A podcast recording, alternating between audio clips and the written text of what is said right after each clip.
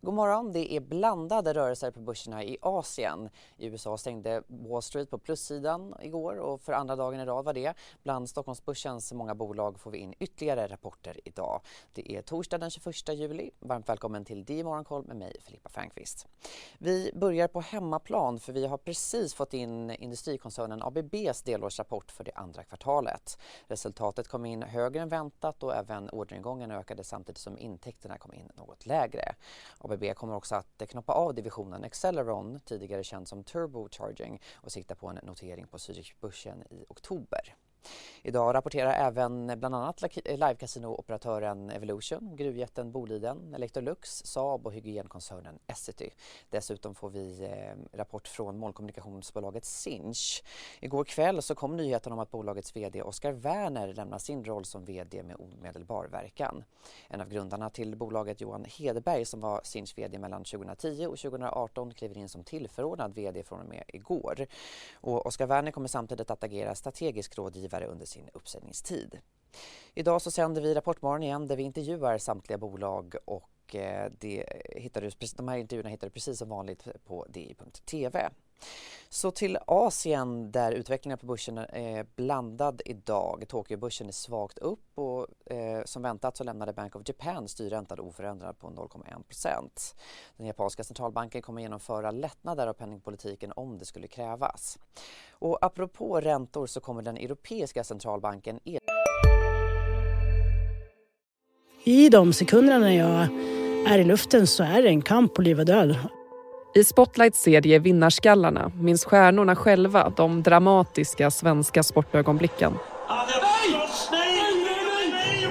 Hör Anja Persson berätta om när hon kraschade i OS-backen men reste sig igen.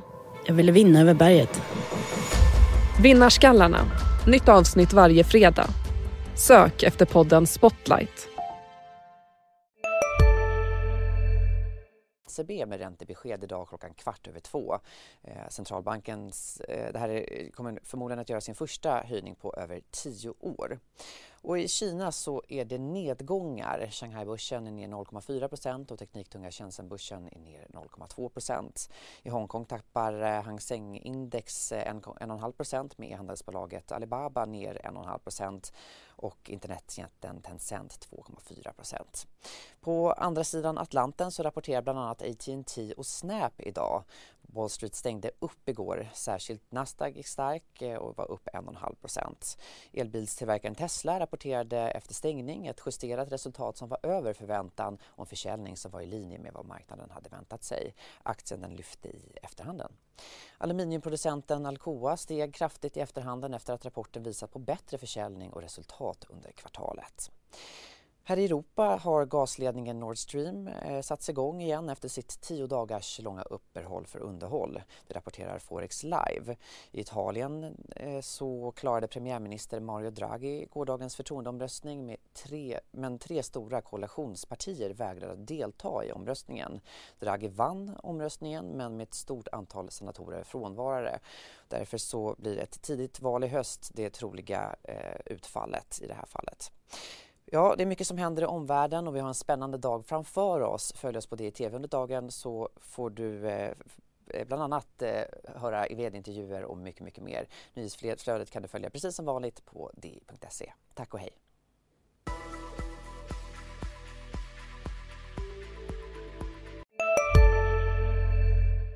CSRD, ännu en förkortning som väcker känslor hos företagare.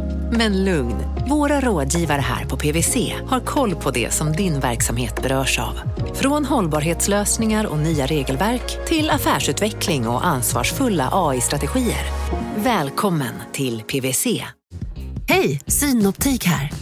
Så här års är det extra viktigt att du skyddar dina ögon mot solens skadliga strålar. Därför får du just nu 50% på ett par solglasögon i din styrka när du köper glasögon hos oss på Synoptik. Boka tid och läs mer på synoptik.se. Välkommen!